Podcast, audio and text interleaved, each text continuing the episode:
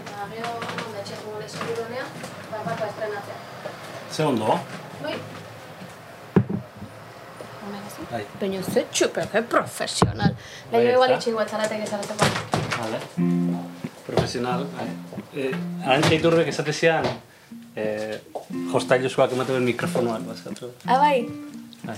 Josta dizuk ematen du. Bai, ez gero dituta da Euskadi Irratiko mikro, mikromoloieta eta tal. Grazia jitonek, gorritoa jarrita. Bai, kalen gratzeko kaltzetin bada jartzea. Oso ona da. Oso ona da. Ez que, baizu, osea, Kaltzetina da. bai, bai. Zein dezu, portaletio grabatu? Beti. Bale, bai. Kaixo entzule, ongi etorri irurogeita bigarren barruan gaudera. Badakizu nola funtzionatzen duen gure podcastak. Kapitulo bakoitzean, persona interesgarri baten etxean sartzen ditugu mikrofonoak. Eta gaur ere, alaxe egingo dugu. Sufrimentua, nolabait, sufrimentu hori legitimatzeko demostratu imar dezula, esan nahi dut. E, zuk ezin dezu esan, "Pff, e, ez nago ondo, e, ez, ez naiz gustua juten lanea, ez naiz ondo sentitzen, triste nagoen guztian, esango dizute, bueno, animo, behaz ema gauz ondo dauzkezun. Lana daukezu, familia daukezu, deslegitimatu egiten digute sufrimentu hori, eta eta hori da nik uste eusin pertsonak indiken gauzarik okerrena. Osea, hau ez da lehiaketa bat zein da okarrago, eta zein da on legitimatuago sufritzeko. Hau da, bizitza bat, mundu gordin bat, eta bakoitzak bere, mm, bere gerrak ditu, bere barruan, eta ikasi behar dugu hori entzuten juzgatu gabe, eta juizio hori askotan etortzen zaigu pentsatu egin gabe.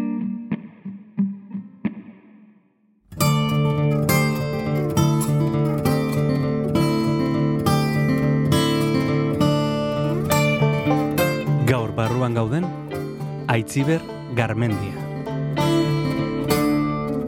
bizigea beti eskaparate batean, eta eta eskaparate hori askotan gorra da, edo zaila da, ez dako gogoik eskaparatean euteko. Nik beti esan dut aktora izan ez banitz, e, nukela Instagramik eukiko, igual nukela Twitterrik eukiko, eta WhatsAppakin mm, pozik biziko nintzatekela. Eta WhatsAppa ere askotan ja agobian da iruditzen zait. E, eta aldi berean, badet nola baiteko engantxe bat, sare sozialekiko publikatu behar bat, eta publikatzen ez badet existitzen ez naizela e, sen, sentsazio bat.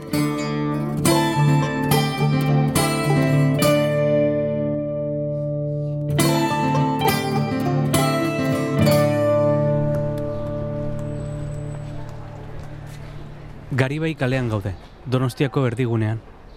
Eguraldi ona egiten du eta jendea dabil alde batetik bestera.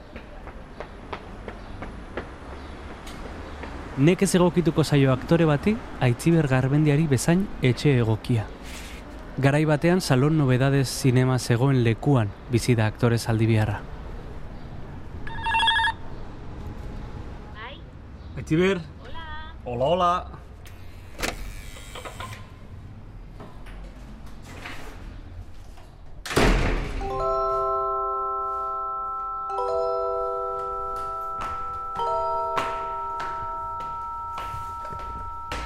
Zuzenbidean lizentzia duna da.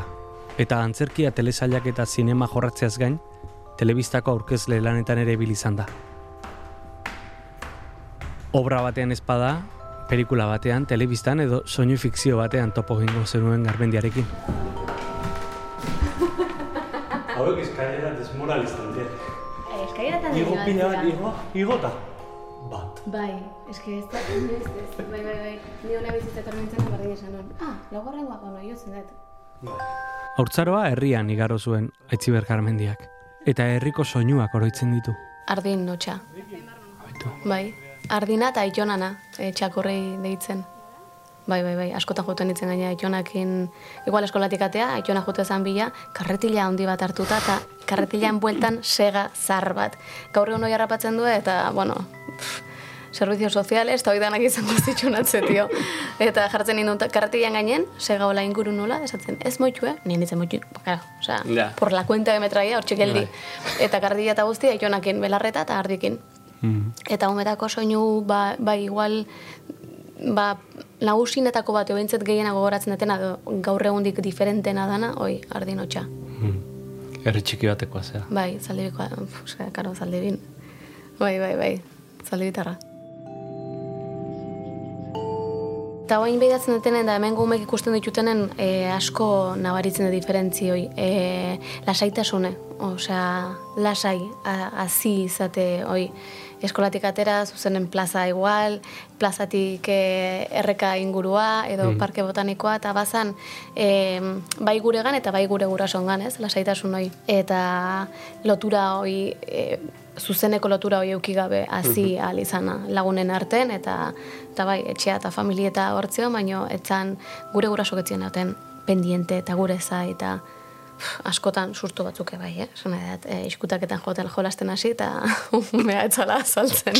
Gero ondo iskutauta, baino, baino, bai, izan da kriston aurtzaroa. Askatasuna, hori da, igual, nabarmenduko nukeen hitza.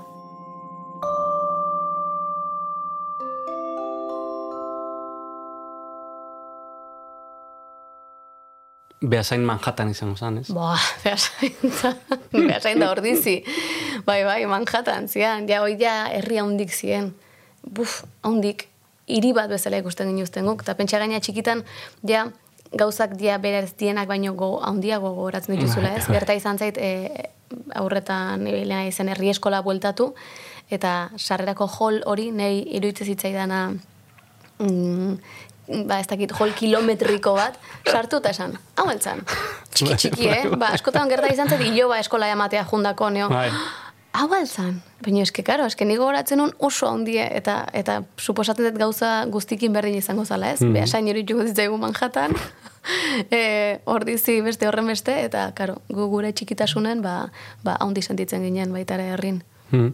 Nola eramate zenuen herri txikikoa izatea e, ba, behasainaen edo ordizin edo eskolan zendet?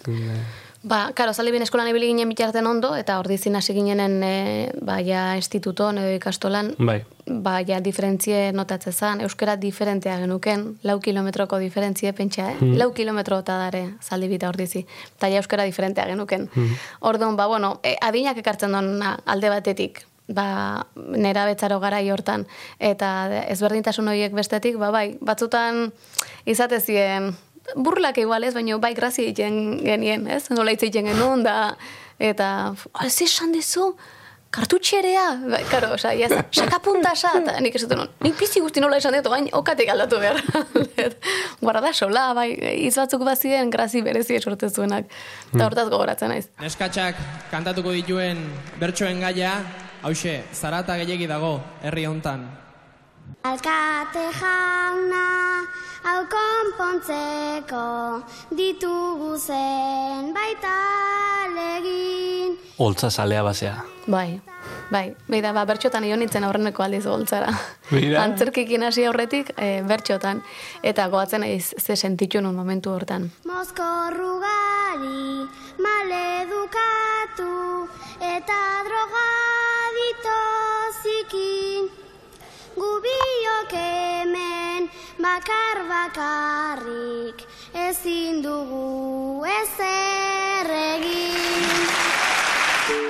Jendea dana behira, nik be, bi bertxo kantau nituen, etzan gehiago izan, baina momentu hortan sentitu nun olatu handioi, e, gaina, ba, oi, nik amaika urten nituen, eta edade hortan sentitzen dezun zirrara hoi gogoratu iten dezu beti. Eta gero ja izan zen antzerkiak nio nintzenean. Umetan oen dikan, handik urte betea bola izango zen, baina, bai. Da honeko bazenekin antz, e, aktore, ak- aktore edo antzerkira e, gerturatu nahi zenula, ja bazenukan arrori edo... Bai, bai, beti da nik arrori.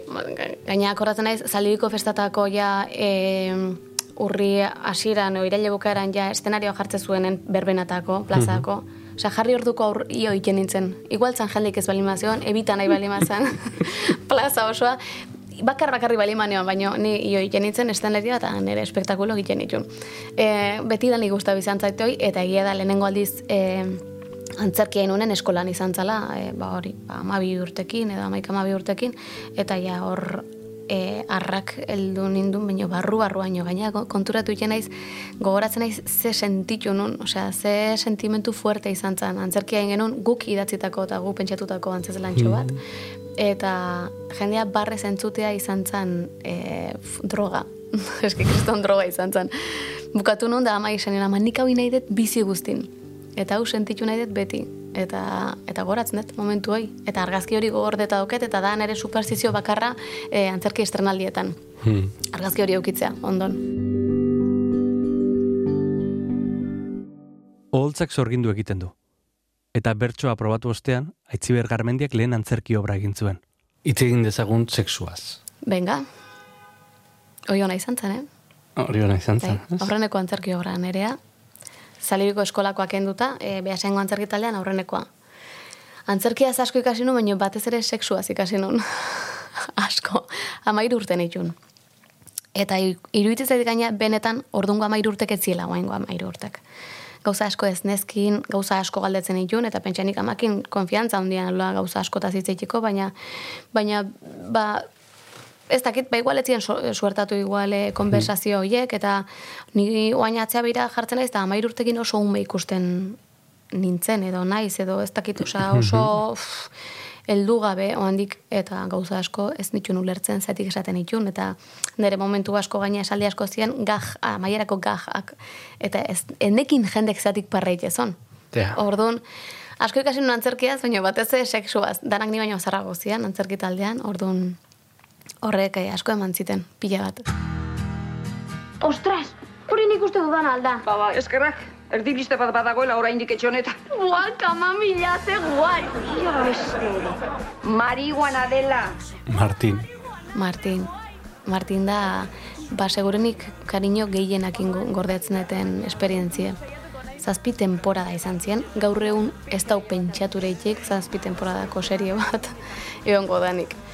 Eta zazpi temporada horietan, bueno, gogoratzen naiz, em, deitu nindutela nila orduako antzerki profesionalean lanean ebilen Bai. tantaka konpainiakin. Ta tantaka konpainiakin bat doan tentazioak ekoiztetxea hasi zen Martin eh, ekoizten. Eta e, deitu ninduten irakurketa bat egiteko. Kastin kastinara etzan, baina bazan nolabait irakurketa bat hori Bai. bueno, ikusteko. E, irakurketa inun, oso ondo juntzan, eta bueno, aurrea zijola ba, ematen zuen ja. Eta esan ziaten egunen ere gurasoak, e, Jose Ramon Soroiz eta Elena Irureta izango ziela, gau hortan, botak ainun. Antsiedadekin. Nervio puntu horrekin. Gogoratzen naiz hortaz. Gau hortan botak gaitu nintzela nerviokin. E, jasta, geho ja egunek argitu zon, euskiatea zan, eta dana positiboa zan, da dana zoragarria zan. Baina horreneko golpea izan zan. Karo, da, betidanik mirestu izan dituzun pertsona horiekin, lan aiteko lehen aukera. Baina mirestu, asko mirestu, zen ere referentek hemengok zien. Lina Morgan kenduta, beste danak hemen zien. Eta beti izan ditut oso, e, referente oso klabetzat. Mhm. e, Lena Irureta, Ane Gabaren, Jose Ramon Soroiz, Mireia Gabilondo, osea, beti izan die, ba, ba netzat e, argi puntu hori, eta derrepente ba, aukera hori sortzea, bereekin lan egiteko aukera hori sortzea, izan zen, kristona. Ta, eta asko ikasi nun, behaiekin. Baina, ze, guan. Amona, listo.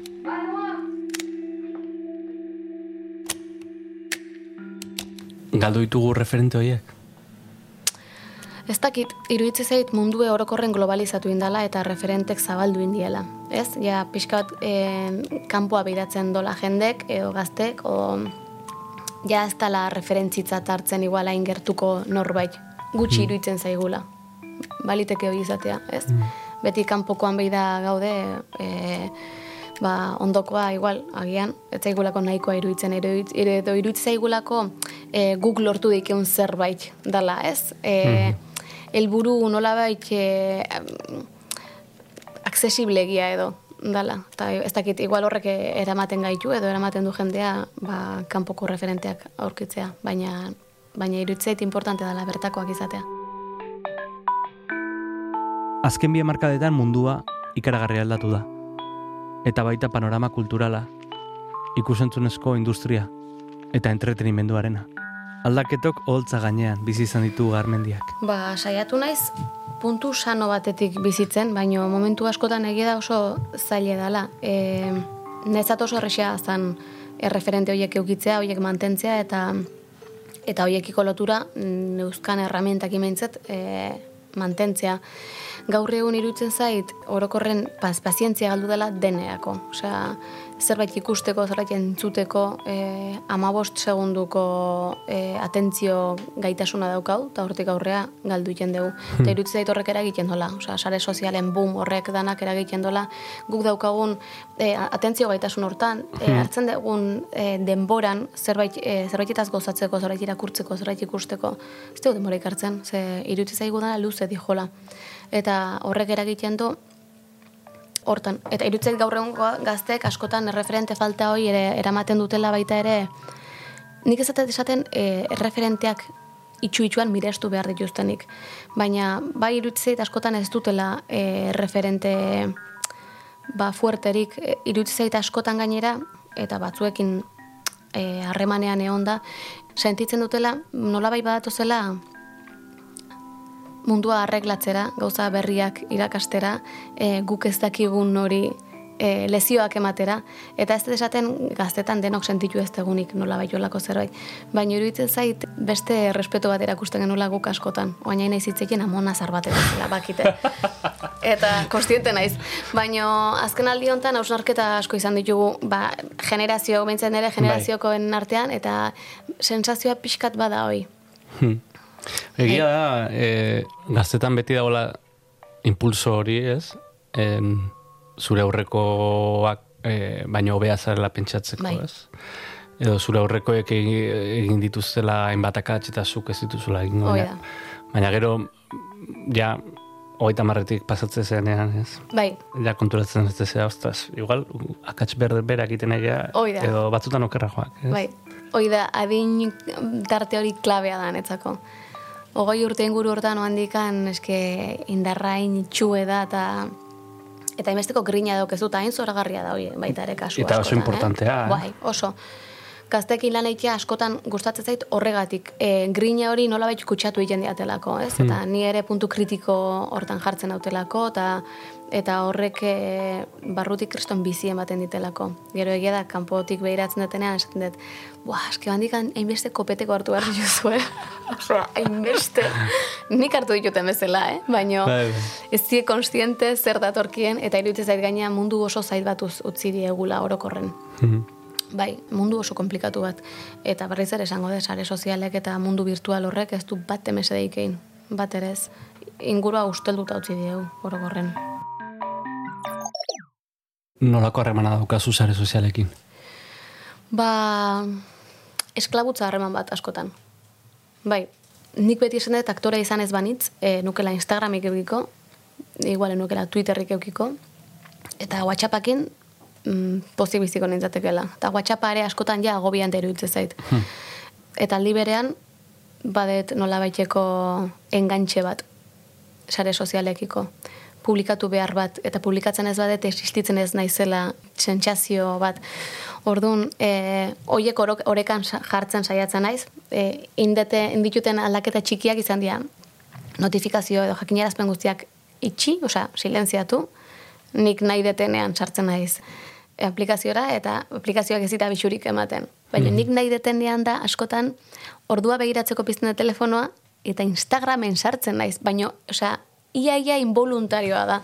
Eta horrek asartzen hau pila bat, asartzen hau nere buruakin, munduakin, e, teknologiakin. Teknologiakin gaina naiz bereziki ondo ematen, inoiz naiz ondo eman. Orduan, bada hor burruka bat nere barrun, ez dakiten nola, nola kudeatu. Ez, aipatu zu esklautza harremana, ez? Esaten da orain adibidez, aktoren munduan, askotan, mm, zenbait e, koizpenetan e, aktore aukeratzerako orduan, behiratzen zaiola Bai, jarraitzaile kopuruari, bai, eraginare, ratioari, eta horrelako gauzei. Osea, da gauza bat, bai. Ez dakit, eh? Galetzi zuri gaina emakume bezala, ze emakume bezala oraindik ere sumatzen da karga gehiago, ez? E, incluso itxurarekiko, e, bueno, mm, sare sozialen gauza txarrenak, ez? Bai, eta, bai. Eta gaina hori lanbideari lotzea, ez? eske imaginatu ja zer dan bai hoi da, eske emakume bezala daukeun kargea da, ba igual, bide herriru. Hmm. Nekagarria egiten zaidana da, mm, hortan pentsatzea. Osea, e, nekagarria edo pixkat etxigarria egiten zaidana da, pentsatzea e, norbait mm, aktore baten bila balima dabil, behiratuko don lehenengo gauza edo gauzetako bat izango dela zenbat jarraitzaile ditugun Instagramen. Baina aldi berean e, nik kontrolatu ezin deten zerbait dan neurrian horrek errelajatzen hau esaten dut. Bueno, nik kontrolatu dezakedana da, nik nire lan handoitea, aktore bezala hobetzen jutea, bide berriak zapaltzen jakitea edo edo erregistro berriak probatzea, hori bada onere eskutan, baina pff, e, beraien erabakia Instagrameko jarraitzaileen e, arabera izatea, hori neurri handi batean ez da onera eskutan, bai, noski, sal nezaken ere bizitza eta izan e, ninteke askoz ere e, egin nezake mm, pornografia emozionala sare sozialetan, horrek beti saltzen du asko, e, abusatu nezake mm, denaz, baina ez da, ez da nire aukera, osea, argazki bat jartzeak ja sortzen duen ba, bai, karga hori haundia balima da niretzat, ba, imaginatu zertan Instagramen pendiente egotea. Orduan, esan edo, neurri hortan, nire esku ez dagoen zerbait dala jakiteak, neurri hortan askotan lasai jutzen dago. Esaten, dut, bueno, ez da nire esku, horren baitan erabaki behar badute e, ni pertsonaje hortarako hartu ala ez, ba, ez da nire esku. Hori, hori horrek haiengatik esango du gehiago zugatik baino. Bai, hoi da, hoi da. Orduan, pues, e, proban baterako edo kastin baterako ditzen man naute, saiatuko naiz, aldeten ondo nahi. Mm Jarraitzaieko purua ja, ba, bueno, haien gatik gehiago esaten du, hoi da, Ai, hoi da. Haiek erabaki behar badute e, jarraitzaieko puruan arabera, pff, ba, bueno, asko esango du e, beraien inguruan eta asko esango du ekoitzi behar duten produktuaren inguruan. Orduan, nik uste pixkat hori pentsatu behar degula gure buruak lasaitzeko. Baina, baina mostro handia hor dago. Hor dago. Bai, bai, bai. Umorea. Telebistan ere jartu nazea, aurkezle gisa, Bai. hainbat personaia egiten, eta e, eta gero umorea landu dezu, ez? Bertan, modu ezberdinetan, ez? Zerretik da umorea horren boteretsua? Ba, umoreagatik ez balitz, gai askotaz ez litzatekelako hitz egingo. Umoreak ematen digu bidea gai pile bat eta zitza egiteko, bestala igual ausartuko ez ginatekenak. E, ez bakarrik umoreak, nahi, nire kasuan pertsonaiek ere ematen didate nola baiteko eskudo bat, hoien atzean eskutatzeko edo, eta eta hoien ahotik, ba igual nire ahotik esatera ausartuko ez nintzatekena esateko. Eta horregatik ematen den beste bildur. Ez? Osea, umorea askotan da ba, Twitter bezala. Osea, e, nola ematen dizu beste pertsonaje baten atzetik aitzeak anonimotasun ez real bat, baina nola baita ematen dizu Bai. ba, valentia hori. E, Esango zenuke zerbait umoretik, Twitterretik bezala, Bai, e, kafetegi batean esango zenukena. hoi da. Bai, hoi da. Edo elkarrizketa batean esango ez nukeena, edo e, ba, bueno, testu inguru serio batean soltatuko ez nukeena.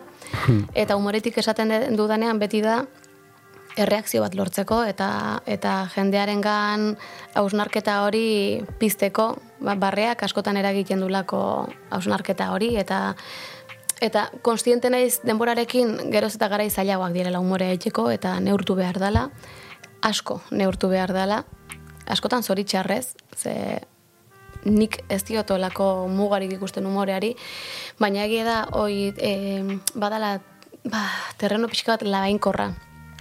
Nik umorerik ez ikusteak ez du esan nahi umorerik ez du nik. Eta nezat mingarria iz, ez izateak ez du esan nahi beste inorrentzat mingarria izango ez denik. Orduan, ba, balantza hortan dantzan nabil azken urteetan. Kostatzen nahi zait, zenbaitetan, baina, baina asko ikasten nahi naiz beste batzutan, eta ulertzen, gauza asko ulertzen nahi naiz.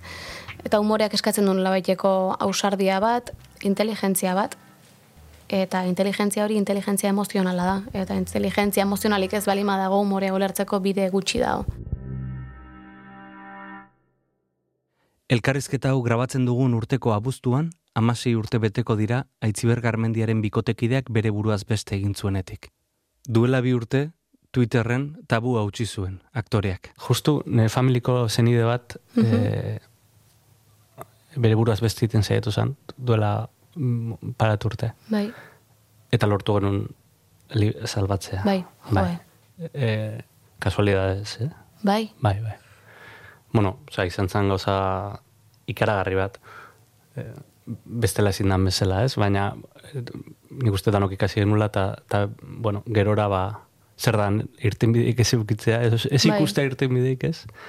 Eta, irten bideek ez ikustean, ba, bideo hori top, e, aur, aurkitzen saiatzea. ez? Bai, Eta hori, eta, eta gero, ba, zure hitzak eta entzutean, ba, bueno, e, buelta asko maneskion e, buruari. Bai. bai, bai, bizigea momentu baten, bueno, eta, eta, karo, pentsa lehen, lehen ere ez ma suizidio dengo zian. Orain Ba, ba, gea hori denak ikusten eta eta ezagutzen.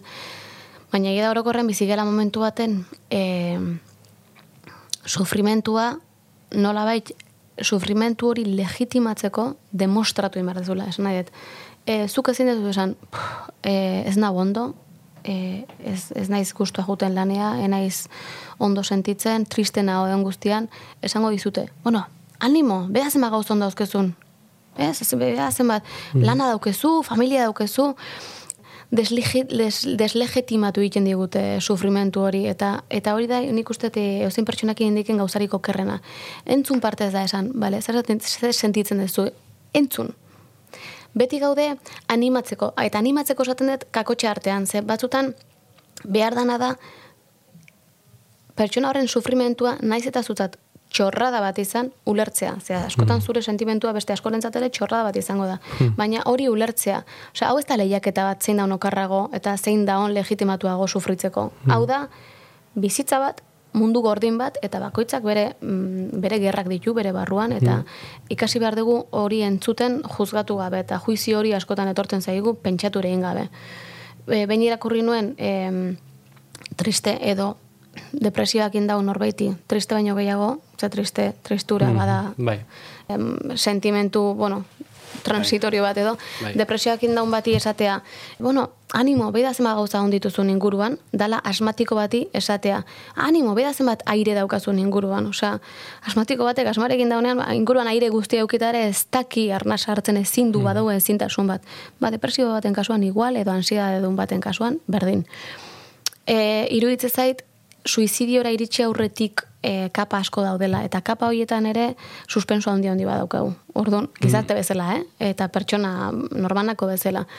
Suizidio iritsi aurretiko kapa horiek arreglatzen hasi behar dugu. Gero iritsiko da e, helburua, ez? Esa, esan nahi dut, ez da normala gaur egun hainbeste gazte suizidatzea, gazten artean lehenengo eriotza arrazioa izatea, hori ez da normala. Baina, era berean, aipaturen dizun ere da, tabu bat da. Osea, tabu bat, baina da tabuaren adibiderik garbiena. Bai, Ze, ez da hitz egiten, eske ba, ez dakigu ezer, ez dakigu zema jende hiltzen dan, ez. ez dakigu, osea, dago eskutatuta. Bai.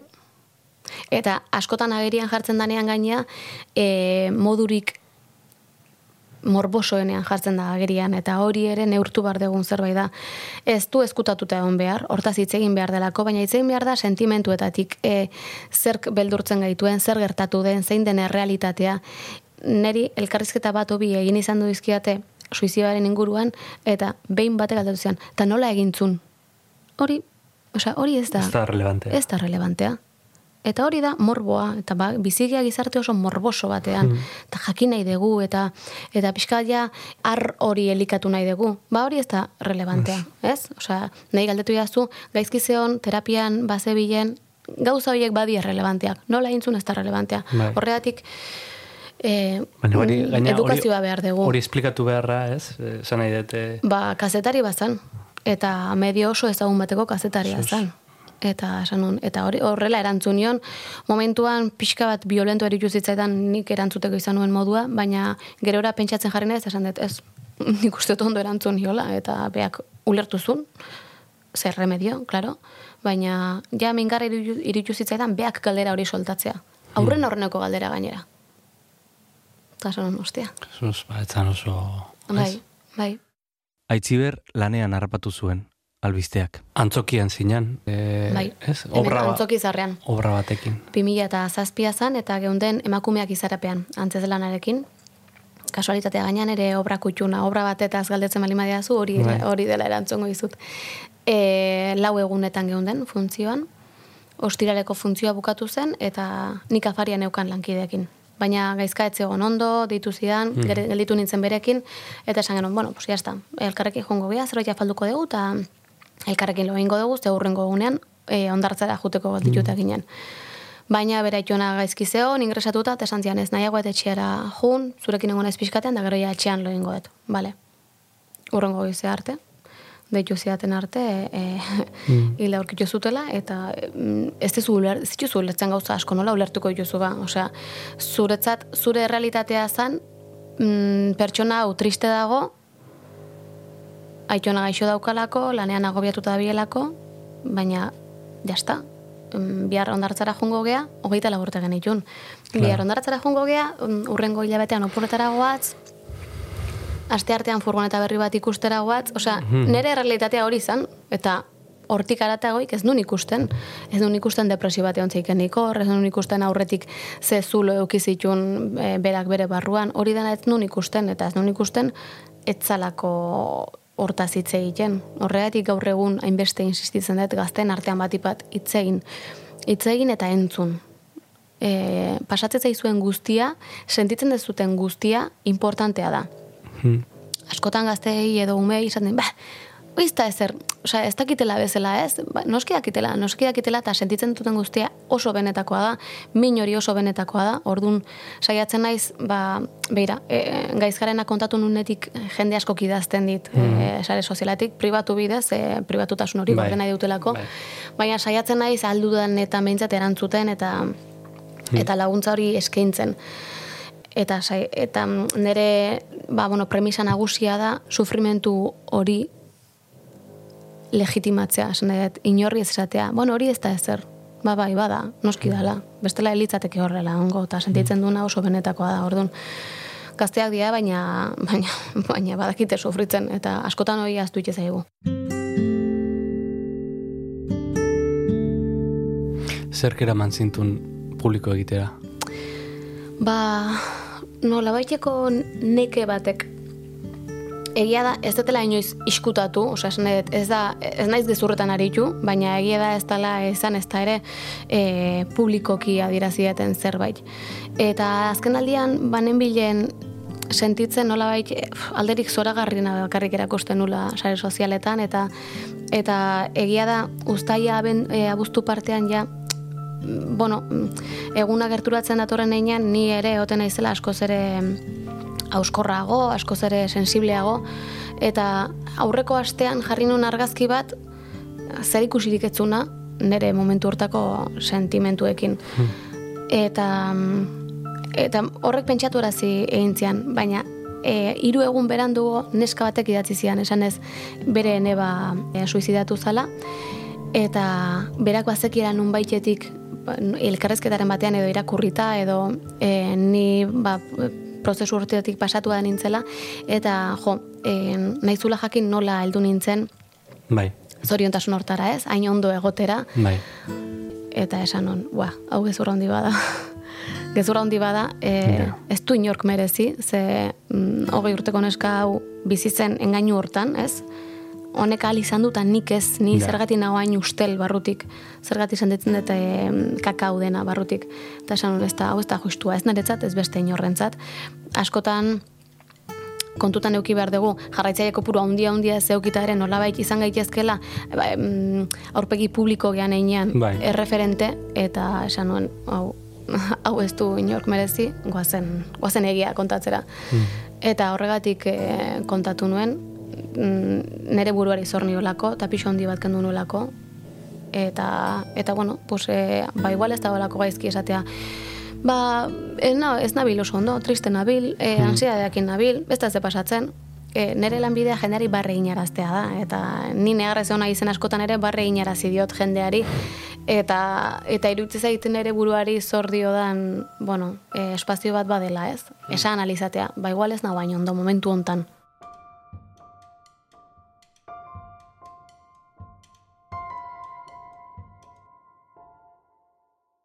Buruko osasuna ere bada estigmatizatu dan zerbait, ez? Bai. Edo beti aparte, ez? Eta isilpean gorde izan dana, Bai. eta ez dana tratatzen, ez? E, behar bezain beste, osakidetzen e, buruko osasuna ez da tratatzen. Edo oso jende gutxi dago hortara dedikatzen dana, eta Oso gutxi. Nik pribatutik egiten dut e, terapia. Eta nik momentu hontan ordaindu dezaket. E, jende askok ezin du ordaindu. Orduan ze pasatzen da. Lujo bada, buru osasuna zaintzea. eske lujo, lujo hartzen da, niretzat terapia da, nire buruarekiko inbertsio bat, nik ordaintzen dudana, eta ez da merkea. Orduan, esan eta osakidetzan hasi nintzen hasira hasira hartan, gaizka hiltzanean, baina aste batean terapeuta bat neukan, horrengo astean beste bat, hasi zaiz dena hasidatik kontatzen, neukan sentsazioa, ba, bueno, aurreratzen ez nuen sentsazio hori ez, Ja. esaten nun. Bueno, eta aste batetik bestera asko esatea da, ba, igual zan aste batetik eta handik hiru astera, edo, Bai. orduan nire aldetik hasi nintzen, terapian. Eta oraindik jarraitzen dut, mm, zikloak bezala egiten ditut, eta jarraitzen dut, gaina ez gai arrengatik iruditzi zaidalako, orokorrean oso ondo etortze zaidala. Bizigea beti eskaparate batean, eta eta eskaparate hori askotan gorra da, edo zaila da, ez dako zu gogoik eskaparatean euteko. Baina era berean egon behar duzu. Egon behar dezu. Hoi da. Eta hortarako terapia oso lagungarria da. Baina egia da ez daula normalizauta, eh? Nik esan dezaket gaur esan dizudan bezala. Goizeko behatzitan pilates neukan, eta jendeak normal-normal reakzionatzen du. Reakzionatzen du. E, esaten badet, bai goizeko behatzetan e, terapia daukat, ja jendeak, ah, ah, ah, bai, ondo. Osea, Ja. falta zei esatea, nik baukat lagun bat terapia egiten du. Osea, esko esatea bat, saldi, saldi puto esatea falta zaio jendeak. Bai, bai. Baina- Ni ondo nago bezala, ez? Bai. Ni, nik ez dut terapia egiten, Bai, bai bakal bat, ez? E, bai, eta gaina, beta beti dago, bate bat esaten duna, eske, a ber, terapia denok egin beharko genuke paternalismo zikin hortatik, jakinda berak ez dula sekula ingo. Ez dulako behar, ez? Mhm. Bai, bai, karo, eske terapia denok egin beharko genuke. Ba, eintzazu, zaiz isilik. Claro. Paternalismo hori ez dut soportatzen, askotan, askotan ateratzen den zerbait da, onartu nahian bezala ez, besteek terapia eite, eiten degula, onartu nahian nahian bezala, eta bizkarrean kolpetxoa eman nahian bezala. Eta, bai, jarrera horiek, bueno, ez ezkit interesatzen. Euskal Herrian nabarmentzeaz gain, Euskal Herritik kanpo ere nabarmendu da, Aitziber Garmendia. Espainiar estatuan hainbat titulotan parte hartu du, zineman, telesailetan. Nola sentitu da gazteleraz lanean? Ba, virgin sentitu naiz, eta da sensazio bat oso politia eta oso beldurgarria aldi berean. bai, Euskal Herrian ja badauket e, ibilbide bat, eta badaukat publiko oso Bai. jakin bat, eta eta oso maitatua sentitzen naiz, oso babestua, eta eozin antzokitara noala ere, sentitzen dut babes sare hori beti. Hemendik kanpoa ez. Orduan, e, bada nola bait nire burgua, ba, bueno, berriz ere e, azterketa hortan jartzeko modu bat. Hemen ez naute ezagutzen, Espainia ez naute ezagutzen, ez dakite zer egiten dudan. E, ez dago jendearen aldetik predisposiziorik barre egitera, ze Euskal Herrian gertatzen zait hori, askotan ateratzen naiz eszenariora, ez zer esan gabe eta ja jendean parre zaida, esatet, baina ze hostia. Ez dit ez esan, gaina peinin gogatzen naiz esan nula.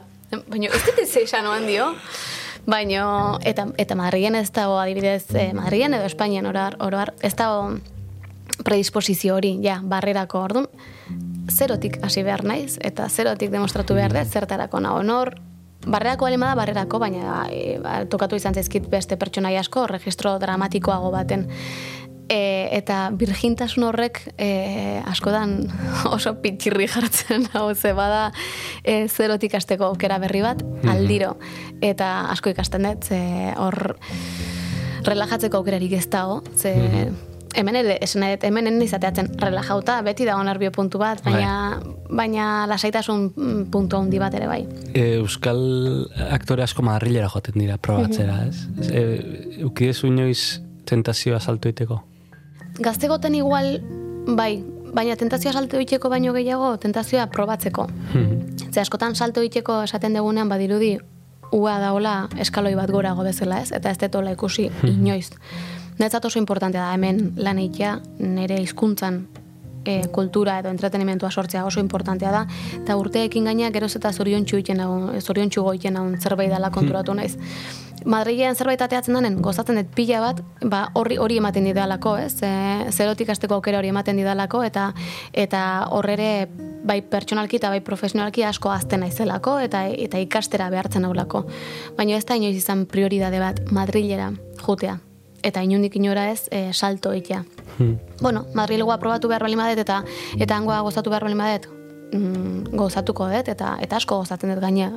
Pozik juten naiz, hola zerbait ateatzen denean, pozik juten naiz Espainira, baina Euskal Herrikoa lehentasun badela aztu gabe. Archipelagoa, Ja, Oh. oh. behar dugu, eh, ez? Bazan garaia. Bazan garaia. Ez, ez aldi galdetuko archipelagoa. Galdetu behar dut, galdetu behar dut. Ez, esperientzi polita izan da, irugarren demoraldia, Bai, errez izaten da, eh? Eta Orain izan dezuna ez, ba, ez da oikoa olako jarrepen bat, ez? ke ba. Eta mugu oso posi gaude, ez, horrekin, baino, baino bai, danontzat izan dela zerbait berria, ez? Boa. Guretzat ere bai, eh? Pues, que, bueno, nik batzen naiz, zelzuekin inun aurreneko bileran, Bai. Eskaini zen idatenean archipelagoako, ja ere izatea, nik esan nun, bale, bale, negatik, de puta madre, nik super gusten guet, baino jakizue, ez dutela inoiz egin nau. Ta zuek esan zen idaten, guk edez, bale, oso ondo. ba, ba, utxetik hasi gian talde bat, gea, orduan. Izan da, kriston, e, kriston bidean, etzat, eta eta irakasgai bat beste baten atzetik, ze enitzen hain konstiente gorputzean hainbeste apoiatzen nintzenik, edo fisikoki hainbeste apoiatzen nintzenik interpretatzeko garaian, uste nuna hotxak mm, indar gehiagoa zuela, nere kasuan, edo denon kasuan hmm. eantzestean, eta konturatu naiz ez ez. Eta hoi izan da, hoi, azteko izan da kopeteko handi handi bat, eh? Ze, klaro, gorputzak antzen dizute, ahotsaren bidez bakarrik eh, adirazi behar dezut dena, eta zenbat adiz gertatzen zitzaigun.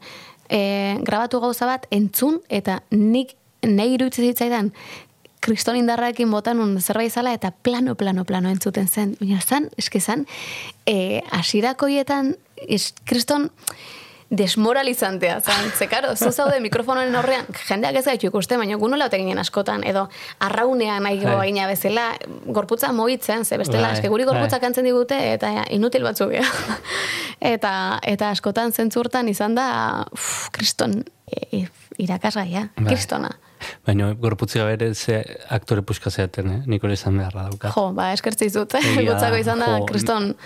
Boa, erronka bat, handia handia, ahotsa lantzea, eta eta oso ondo etorri zait gerora ere, eh? esan dut, estena gainean lan egiteko garaian ere, archipelagoak asko eman dit, ze saiatu naiz edo ikasi dut orekatzen, gorputza eta ahotsaren arteko lana eta interpretazioa orekatzen. Eta, eta, eta hori gauza handia handia handi bada. Ze, bueno, e- ez gara konturatzen askotan, hanka batean bestean baino gehiago apoiatzen gala, eta kasu honetan horrela zan, ez? Ahotxean askoz gutxiago apoiatzen ginen, go- gorputzarekin e, konparatuta. Eta hau adibidez asko ikusi dut orain sexberdinaken, Bai. telmorioretak ez du, ezin du gorputzean e, apoiatu interpretaziorako, ze ezin du moitu gorputza. Claro. Ahotsa bakarri dauka. Eta, eta archipelagoak hori ere eman ditez, e, besteak e, behatzeko aukera hori, telmo observatzekoa, eta esatea, ostras, nola, nola e, bere izten ditu sentimetu bat eta bestea gorputzik apenas ezin bali madu ditu. Eta izan da, beira, binomio xelebrea izan da, archipelagoa eta, eta telmo. Biak. Biak, bai, bai, ahotsaren indarra. Ze momentutan harrapatzen zaitut hain? Oantxe bertan momentu oso politia bizitzen nahi naiz profesionalki. E, egia da kanpoan asko nabilela, baina hemen antzeslanak ere baditut. E, aste bururo Euskal Herriko plazetan nabil eta eta horrek pixka bat baretzen hau. Ze bestela izango litzateke denbora guztian kanpon. E, Madrilen egon naiz bi, e, bi telesailekin, biak aldi berean tokatu zaizkidalako, solapatu zaizkit pertsona txikiak, baina biak aldi berean. Eta eta hori izan da, izan da e, ekipo berrietan lan egitea, ezagutzen ez deten jendearekin lan egitea, eta hasidatik ba, zein naizen erakustea, edo, edo zer gustatzen zaidan, edo zertarako balio deten, da zertarako ez. erakustea eta demostratzea. Eta aldi berean, aste bururo, ona etorri eta eta goxo, goxo, goxo, nere... Bu- burbuilan. Bai, burbuiatxoan, Euskal Herriko antzokietan, e, ba, gozatzea. Egi esan oso pozik nago, azken urte, hau, e, bueno, azken bi urteak e, oso politiak izaten nahi die. Egia da inoiz baino gehiago nabiela kanpon, eta inoiz baino gauza ezberdin gehiago hain naizela egiten. Personaje txikiak e, gauza, ikusentzunezko gauza, ezberdin, oso ezberdinetan, registro oso ezberdinak, eta aprobetxatzen nahi naiz, pues, bueno, e, azteko, e, ikasten jarraitzeko, e, pixka bat deserosotasun horrek ere eramaten gaitu hortara, ez? E, ikastera eta esatera, ah, hau igual, pixka bat, ez dut ondo kontrolatzen, ba, bueno, guazen hobeto kontrolatzera. Eta, hau. eta osasungarria da. Bai, Osasungarria da. E, bueno, erosotasun horretatik ateratzea Bai. eta konturatzea eroso egon zaitezkela beste leku batean. hoi da, bai, eta hori pixka faltan botatzen nun azken urteetan, ez? Ba, neo nolabaiteko erosotasun absoluto baten, Euskal Herrian antzerkian, e, Euskal Telebistan ere, eta oso pozik, oso gustora sorkuntzan, baina nolabaiteko erosotasun hortan. Eta, bueno, askotan erabakiak hartzeak bildura handi ematen du, baina iruditzen zait hartu behar diela, eta, eta gerorako ere denontzako osasungarri diela. Nei beti eman dit kristo beldurra e, jendean nitaz nazkatzeak. Kristona, osea da, nire paniko hundienetako bat. De hecho, esate jatenean, jo, modako aktorea, eske sarpullido gatatze ezkitzu. Ez dut nahi izan modako aktorea, ze modak pasa itxeia, bakizu. nahi dut jarraitu beti, beti, beti lanean, eta eta izan Euskal... Lina Morgan. Lina Morgan, Euskal Lina. Lina Morgan ere referentetako bat izan zen, eh? Bai, bai, bai, bai. Bai, osea, Euskal Antzerki gintzan jarraitu hor beti, eta eta telebistan danean ondo, eta ez danean ere oso ondo. Baina eh, ez dut nahi jendeak esatea, jo, haure ontan bai. Porque nik esan izan duet beste aurpegi batzutaz. Ez dugu esango zeinetaz. ez dut esango, baina esan izan duet. Osea, ez dut esango zeinetaz, baina esan izan duet, eta uste denok pentsatu izan deula, jo, ontan ere bai, Bai, bai. zopatan ere badao. Ez dut nahi nitaz, hori esateik, ze oso uf, nekagarre iruditzen zaite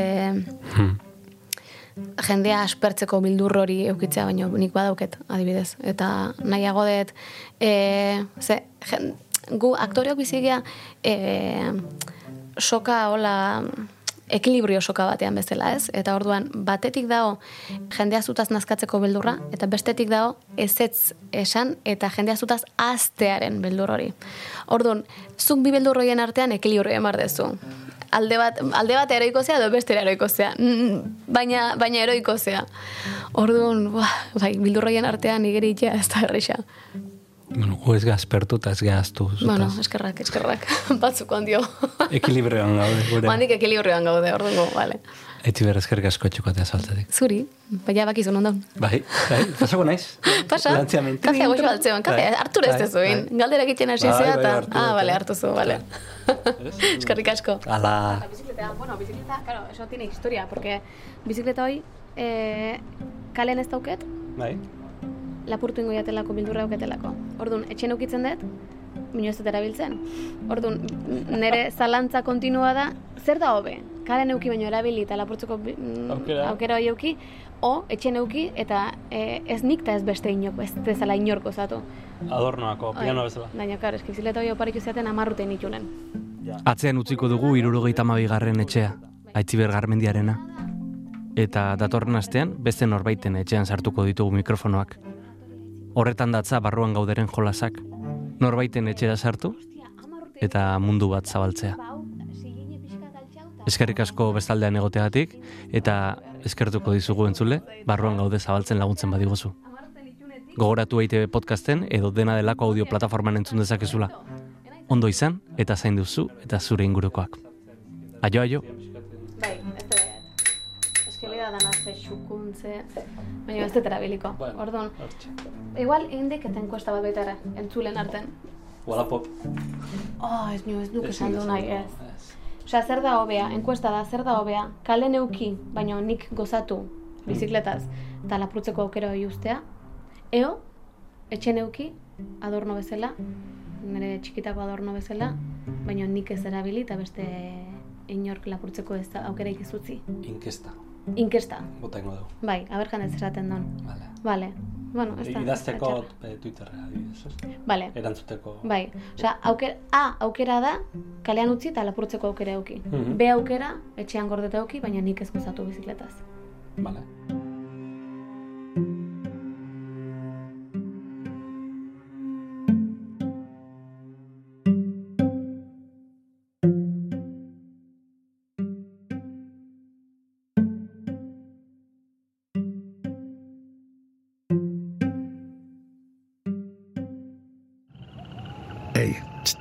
Entzun hori. Ulu Media.